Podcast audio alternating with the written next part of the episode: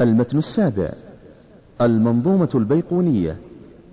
للمحدث طه عمر بن محمد بن فتوح البيقوني رحمه الله تعالى.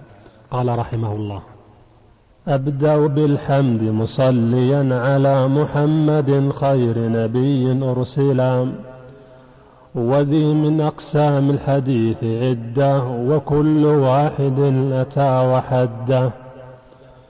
أولها الصحيح وهو ما اتصل إسناده ولم يشذ أو يعل. يرويه عدل ضبط عن مثله معتمد في ضبطه ونقله. والحسن المعروف طرقا وغدت رجاله لك الصحيح اشتهرت.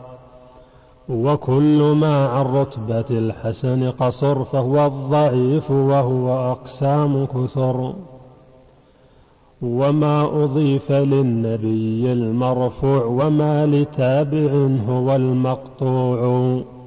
والمسند المتصل الإسناد من رويه حتى المصطفى ولم يبن. وما بسمع كل راو يتصل إسناده للمصطفى فالمتصل. مسلسل قل ما على وصف أتى مثل أما والله أنبأني الفتى. كذاك قد حدثنيه قائما أو بعد أن حدثني تبسما.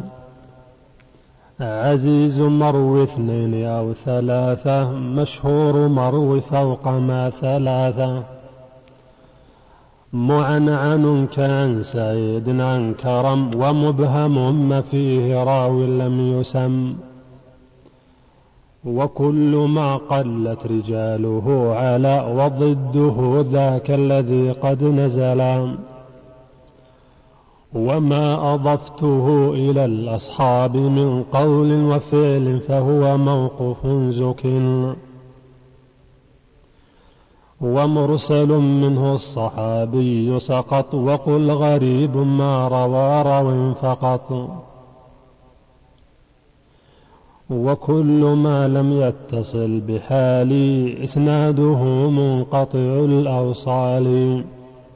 والمعضل الساقط منه اثنان وما أتى مدلسا نوعان الأول الإسقاط للشيخ وأن ينقل عمن فوقه بأن وأن والثاني لا يسقطه لكن يصف أوصافه بما به لا ينعرف.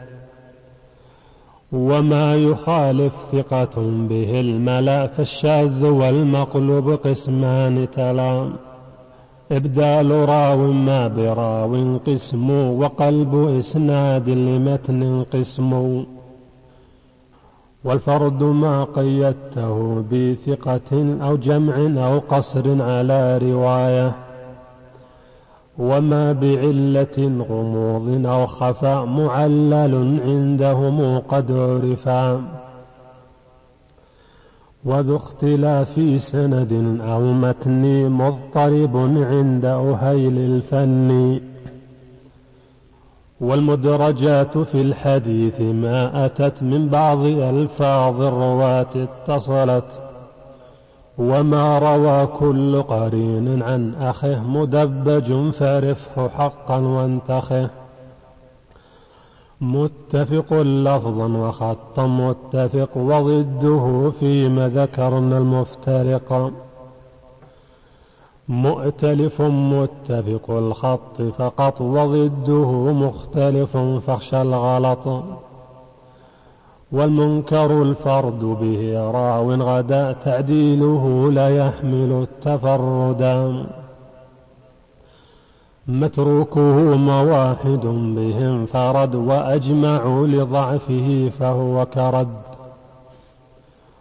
والكذب المختلق المصنوع على النبي فذلك الموضوع.